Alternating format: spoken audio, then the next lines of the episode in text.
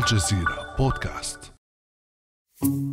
لاحظت آخر فترة إنه أي محتوى عم نزله على صفحتي على الإنستغرام بتعلق بفلسطين وباللي عم يصير بفلسطين عم تكون نسبة المشاهدة أقل عندي بنسبة 45% تقريباً. ال stories تصير sensitive content مع إنه الموضوع بيكون عادي. يعني ممكن أنزل مثلا اعتصام صاير باليمن دعم لفلسطين وفجأة يطلعوه ك sensitive content الإشي الثاني إنه كان ال live مرات آه، يفصلوه مرة واحدة ما يخلوك تكمل بالتالي عشان ما تحفظه. الشيء الثالث إنه مرات كانوا يضيقوا عليك inviting guests يعني تفتح ال live لحتى تضيف ناس وكلهم unable to join. زائد إنه لما يعلقوا حسابك بيعلقوا كمان حسابك الاحتياطي اللي هو يحمل صورة شبيهة تم نشره على اكاونتك وبالتالي مرتبط باكاونتك بيحمل نفس الاسم تقريبا عليه عدد كبير متشابهين من ال followers فبيعلقوا ال account ين سوا. أنا بالعادة الفيوز عندي من 750 إلى 800 ولكن اللي حاصل إنه الموضوع صار فيه تناقص بنسبة 50% وأكثر كمان خصوصا مع بداية موضوع القضية الفلسطينية وحرب غزة. ولما أنشر شيء مختلف تماما ترجع توصل ل 300 400 و500 وهكذا. فصار في نقص آه، في أكثر من 50% نزلت. هذه مجرد نماذج من مضايقة مواقع التواصل الاجتماعي للمحتوى الذي يروي أحداث فلسطين من زاوية عربية. جولة قصيرة على أي من المنصات الرائجة خاصة فيسبوك وإنستغرام تعطي صورة عن مستوى انحياز هذه المنصات للسردية الإسرائيلية للصراع. المقاومة القسام الصهيوني إسرائيل وكلمات غيرها. يتلقفها قناصة الرقابة على هذه المنصات ويحذفون أي تعليق أو نص يتضمنها. وفي كل أزمة أو عدوان تحذف المنصات آلاف الحسابات الداعمة لفلسطين. فكيف تعمل خوارزميات مواقع التواصل الاجتماعي على محاصرة المحتوى الفلسطيني؟ وكيف يمكن النفاذ من هذه القبة الحديدية الرقمية؟ وما البدائل المتاحة لمنتج المحتوى العربي في حال أحكمت منصة فيسبوك مثلا حصارها على فلسطين؟ بعد أمس من الجزيرة بودكاست أنا خديجة بن جنة.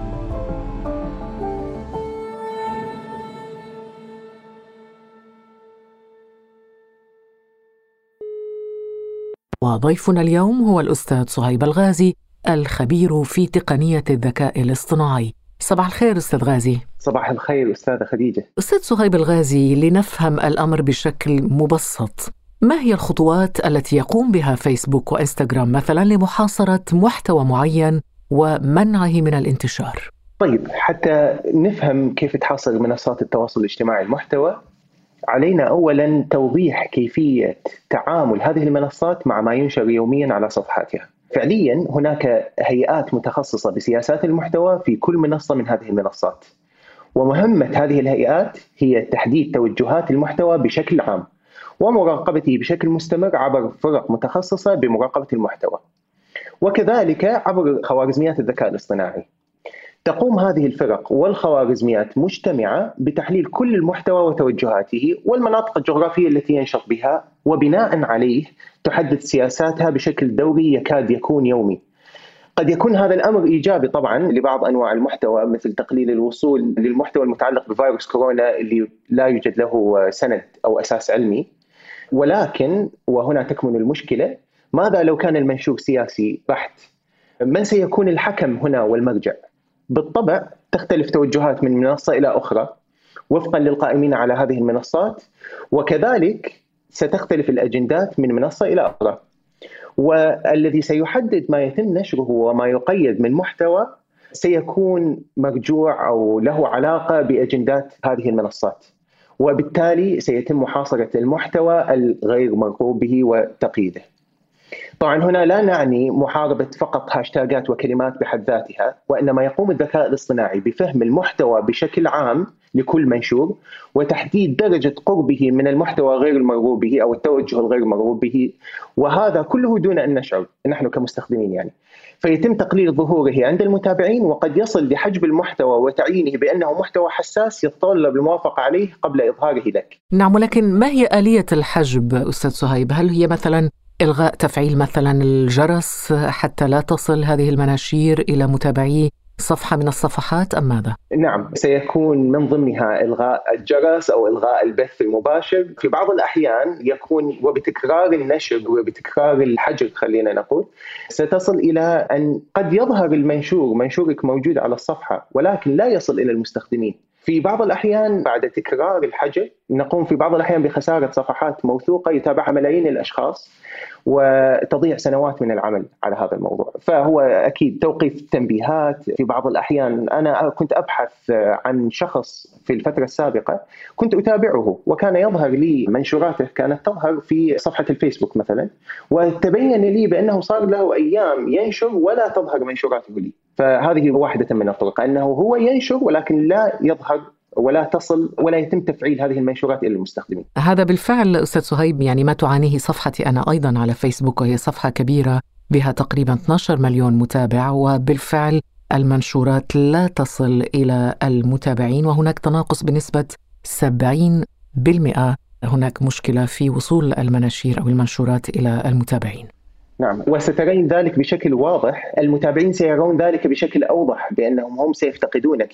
وعندما يذهبون إلى صفحتك سيجدون أنك تنشرين يوميا. قد يكون في اليوم مثلا 20 أو 30 منشور ولكن هذا لا يصل لهم بالتأكيد. أستاذ صهيب كان لافتا أن يصدر بيان صحفي مقتضب من إدارة موقع إنستغرام نشر في السابع من مايو وهو توقيت بداية المظاهرات في حي الشيخ جراح بمدينة القدس. وفي هذا البيان لاحظنا أنه موقع إنستغرام عزى ما حدث إلى خطأ تقني شمل المحتوى القادم من كولومبيا والولايات المتحدة الأمريكية ثم في حي الشيخ جراح بعد ذلك ما مدى احتمالية حدوث مثل هذه الأخطاء التقنية؟ أنا أبتسم عادة عندما أسمع مثل هذه الأخبار وخصوصا وأكثر كلمة تناسب هذا السؤال أو أكثر جواب يناسب هذا السؤال هو أنه لا يمكن التأكد من هذه المعلومة من مصدر مستقل. أنتم إعلاميا تستخدمونه عادة. فهو حقيقة في هذه الحالة مالك التقنية هو المصدر الوحيد الذي يمكنه أو الذي يمكننا من تأكيد هذه المعلومة أو نفيها. هذا الأمر حتى حدث مع قضايا أكبر وأكثر وضوحا. مثل موضوع مواضيع الخصوصية وقضية كامبريدج اناليتيكا ودائما ينتهي الأمر بإلقاء اللوم على التقنية والخوارزميات وما هي برأيي إلا طريقة للتنصل من المسؤولية. دائما سيخبروننا بأن الخوارزميات قد حيدت محتوى معين ولكن فعليا هم يحركون الخوارزميات من وراء الستار يعني وهم يشغلون هذه التقنيات. ودائما سيعودون ويحاولون إرضائنا والكلام مع المؤثرين والكلام مع الجمهور بأن هذا الأمر خارج عن إرادتنا، نحن نستمع لكم ونحن لدينا حرية تعبير كبيرة. ولكن أنا برأيي بأن هذه المنصات تعتمد على نشر ثقافة الحرية المقيدة حيث أنه مسموح لك بالنشر ولكن ضمن اطر معينة هم محدديها. ما يرغبون بخسارتك بشكل مطلق أو خسارة مدن كاملة أو دول كاملة متابعين من مدن كاملة أو دول كاملة فيخبروك بهذه خلينا نقول التحليلات التقنية غير المقنعة. حتى تبقى موجود عندهم وأنت تستمتع في هذه الأسواق الجميلة من تقييد حريات الراي حسب رغبتهم. طبعا إدارة إنستغرام قالت أنه هذه الأخطاء التقنية حدثت أيضا في كولومبيا والولايات المتحدة الأمريكية وليس فقط فيما يتعلق بموضوع فلسطين وحي الشيخ جراح. نعم صحيح. سمعت البيان ولكن حقيقة مرة أخرى لا يمكنني التأكد من هذه المعلومة. هم الوحيدين مصدر هذه المعلومة. لا يوجد هناك شفافية كافية وواضحة لأن نتأكد من هذا الأمر.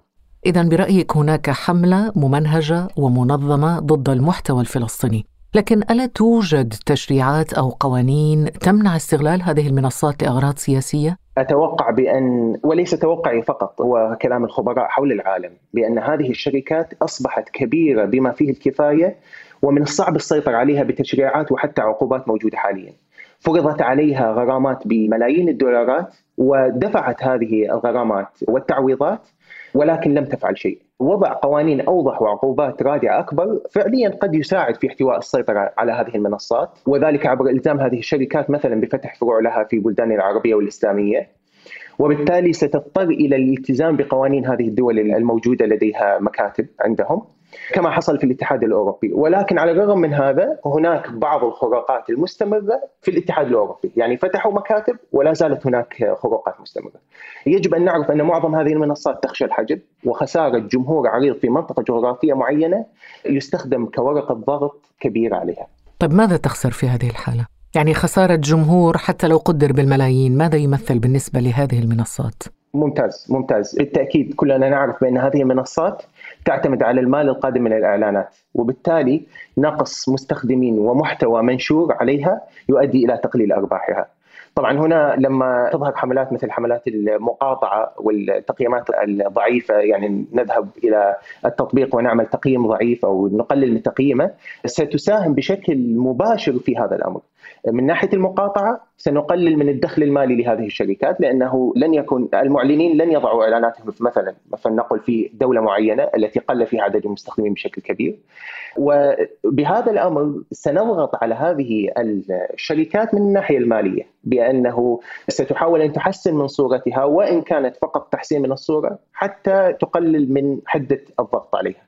أما من ناحية التقييم السلبي الذي يحدث الآن بأن يذهب الأشخاص وهناك حملات يذهبون الناس ويعملون تقييم سلبي للمنصات مثل فيسبوك وغيرها فهنا يحاول المستخدمين إيصال رسالة تفيد باستنكارهم وانزعاجهم كمستخدمين لهذه المنصات حتى تتوقف هذه المنصات عن ازدواجيتها ومن المهم أن نعرف أن متجر أبل ومتاجر أبل وأندرويد تقوم بتحفيز الناس على تحميل تطبيقات اجتماعية أخرى لها تقييمات أعلى وهنا عندما يقل تقييم المنصات مثل فيسبوك وغيرها لن يحملها الناس وبالتالي ستقل عدد المستخدمين وسيقل الوصول وسيكون ضغط مالي إضافي. نعم، لافت أنه كلما عاودت مواقع التواصل الاجتماعي حجب المحتوى الفلسطيني يعود النشطاء في العالم العربي إلى حملات المقاطعة وإعطاء التقييمات كما ذكرت أستاذ صهيب التقييمات المنخفضة لهذه التطبيقات. أو التحول إلى تطبيقات بديلة ولكن فئات عريضة من المستخدمين تلجأ إلى محاولة مغالطة الخوارزميات بتغيير كتابة الكلمات أحيانا بتقطيع الكلمات والحروف أو إضافة حروف أو حذف حروف. ما مدى تأثير هذه الآلية على هذه المعركة أو في هذه المعركة؟ نعم برأيي هي طرق فعالة إلى حد ما في الوقت الحالي هم هذا الذي في يدهم فهي طرق فعالة إلى حد ما. مثل ما ذكرتي موضوع إزالة التنقيط من النص العربي مثلا أو تشفير الكلمات المفتاحية مثلا غزة والأقصى وصاروخ يضعون في داخلها فواصل أو نقاط أو يغيرون بعض الحروف من العربية إلى الإنجليزية حتى يخدعوا الخوارزمية. الطريقة هذه تخدع الخوارزمية حقيقة هي تخدع الخوارزميات. ولكن الطريقة المتبعة شبه يدوية. وستجلب الانتباه قريبا وسيتم تدريب الخوارزميات عليها وبالتالي سنقوم بمواجهة نفس المشكلة في الوقت القريب. فضلا على أن الآلة ما زالت قادرة على التعرف على نوع المحتوى من الصور والفيديوهات وحتى المقاطع الصوتية وهذا الأمر لم تتم معالجته على حسب علمي إلى حد الآن من قبل ناشر المحتوى. بالطبع أنا لا أقول بأن نتوقف عن هذه الأفكار المذهلة ولكن يجب أن أذكر بأنه من الأفضل أن نعمل نحن كشركات عربية تحمل نفس القضية على إنتاج برمجيات وخوارزميات ذكية تقوم بدورها بخداع الخوارزميات الخاصة بمنصات التواصل الاجتماعي وبالتالي ستكون مناكفة نقدر نسميها صد ورد بين الطرفين. طرف يحاول نشر محتوى بطريقة ذكية تخدع الطرف الآخر الذي يحاول مسحها وهنا غالبا الطرف المراوغ يسبق بخطوة وهذا الأمر نشاهده الآن في المنصات مثل تويتر. في بعض الأحيان هناك يعني جهات خلينا نقول نشترك نحن ومنصات تويتر بأنها هي ليست جهات إيجابية هي جهات سلبية. وعلى الرغم من هذا لا زالت تنشر المحتوى بهذه الطريقة تخدع الخوارزميات الذكاء الاصطناعي الموجودة على منصات تويتر. وفي كل مرة يتم تعديل هذه الخوارزميات حتى تستكشف المحتوى السيء تقوم هذه المنصات وهذه الخوارزميات السيئة بتعديل طريقة عرضها حتى تخدع الخوارزمية وهكذا. إذا نحن أمام مجموعة من الآليات للمقاومة ذكرنا التحايل في الصياغة بتقطيع الكلمات، حملات المقاطعة، التقييم الضعيف لهذه المنصات وأضفت إلى ذلك أستاذ صهيب مخادعة خوارزميات هذه المنصات بخوارزميات مضادة وسائل المقاومة الإلكترونية ضد أدوات الحجب في فيسبوك مثلا ما تقييمك لها إلى هذه اللحظة؟ كيف تراها؟ مثل مواضيع مثلا النقاط والتشفير هي ممتازة جدا وأنا أشجع عليها. أشجع عليها حتى وإن أوجدنا حلول بديلة. فهي طريقة ذكية وهذا الذي بيد المستخدم. يعني لا نقلل من قدر أي فكرة تحاول أن توضح وتبين قضية معينة وتساعدها. بالنهاية الحق يجب أن يقال. فإن كانت هذه المنصات تقاومنا وتحاول أن توقف صوتنا فالطريقة الوحيدة أن نعمل ما بيدنا ننشر بوستات وهذه البوستات تكون مخادعة لهذه المنصات. لكن أستاذ صهيب الغازي ما الذي يؤخر برأيك إنشاء بديل عربي لهذه المنصات؟ يعبئ الجمهور العربي اولا حول قضاياه المركزية ويكون أيضا نافذه إلى العالم. نعم أستاذة خديجة أنا برأيي بأن أي منصة جديدة يجب أن تبدأ بمجتمع معين. وتقدم لهم أداة أو وسيلة للتواصل لا يمكن الاستغناء عنها. في بعض الأحيان نحتاج أن نستحدث حاجة لا تكون هناك حاجة ونستحدث هذه الحاجة تتكون لدينا أداة لا يمكن الاستغناء عنها ومن ثم نتوسع شيئا فشيئا حتى نصل إلى العالمية. يجب أن نكون أقرب للجمهور، نعطيهم زمام التحكم بالمنصة بشكل أكبر، وكذلك يجب أن نحافظ على أمن المعلومات والبيانات الشخصية من الاختراق. ويجب أن نضمن عدم مشاركة المحتوى غير المنشور للعلن مع الجهات الأمنية. قد تكون الطريقة بأن تبنى هذه المنصات بأحدث تقنيات الذكاء الاصطناعي والبلوك تشين بحيث تصبح أقرب ما يكون لطريقة عمل الإنترنت أو العملات الرقمية فلا يسيطر عليها ولا تسيطر عليها جهة واحدة ولا تستضاف في مكان واحد هي أفضل طريقة لضمان عدم تقييدها من قبل دولة معينة. لكن من وجهة نظرك صهيب هل هو حل منطقي أن نستحدث منصات خاصة بنا؟ ألا يبدو الأمر كأننا نتحدث مع أنفسنا ونحن بحاجة إلى مخاطبة الغير الآخر خصوصا الرأي العام في الغرب؟ ليس فقط حلا منطقيا. هو ضرورة لابد منها. وحنبقى وسنبقى محاصرين ومعلوماتنا وبياناتنا. ليست ملكا لنا ومحتوانا يتم التحكم به من طرف خارجي. يوم لنا ونكون مرتاحين وعشر أيام علينا. فهو الأمر ضرورة.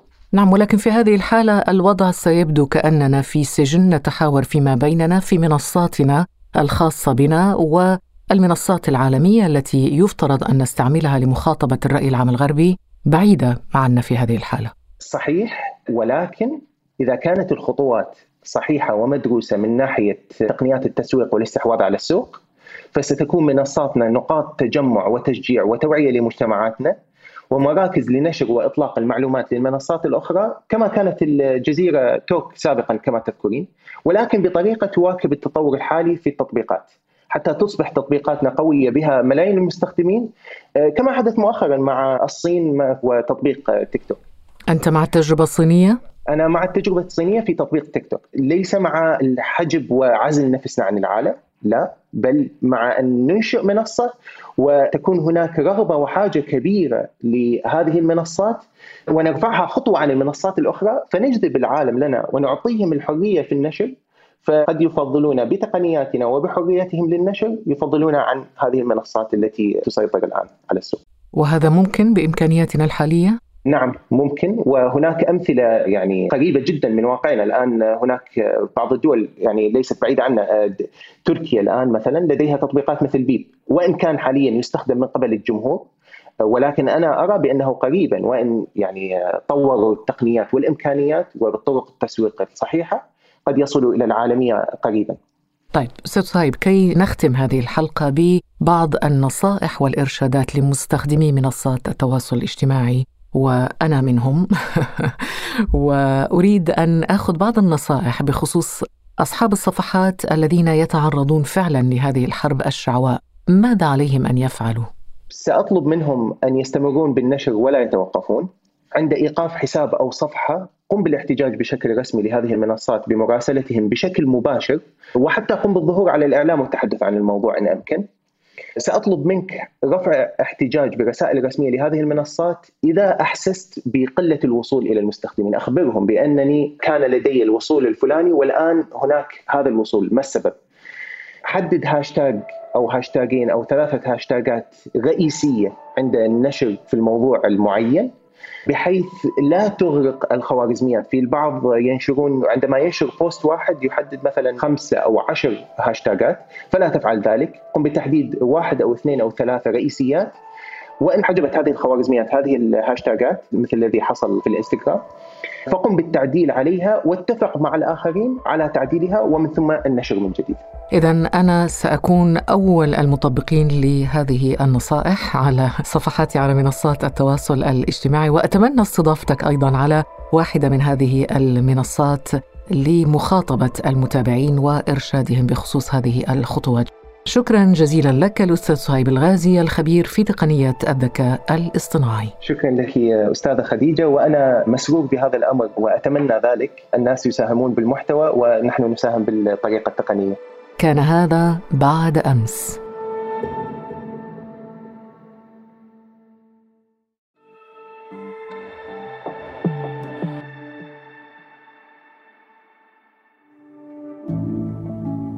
ابقى على تواصل مستمر مع الجزيرة بودكاست ولا تنسى تفعيل زر الاشتراك الموجود في تطبيقك لتصلك الحلقات يومياً.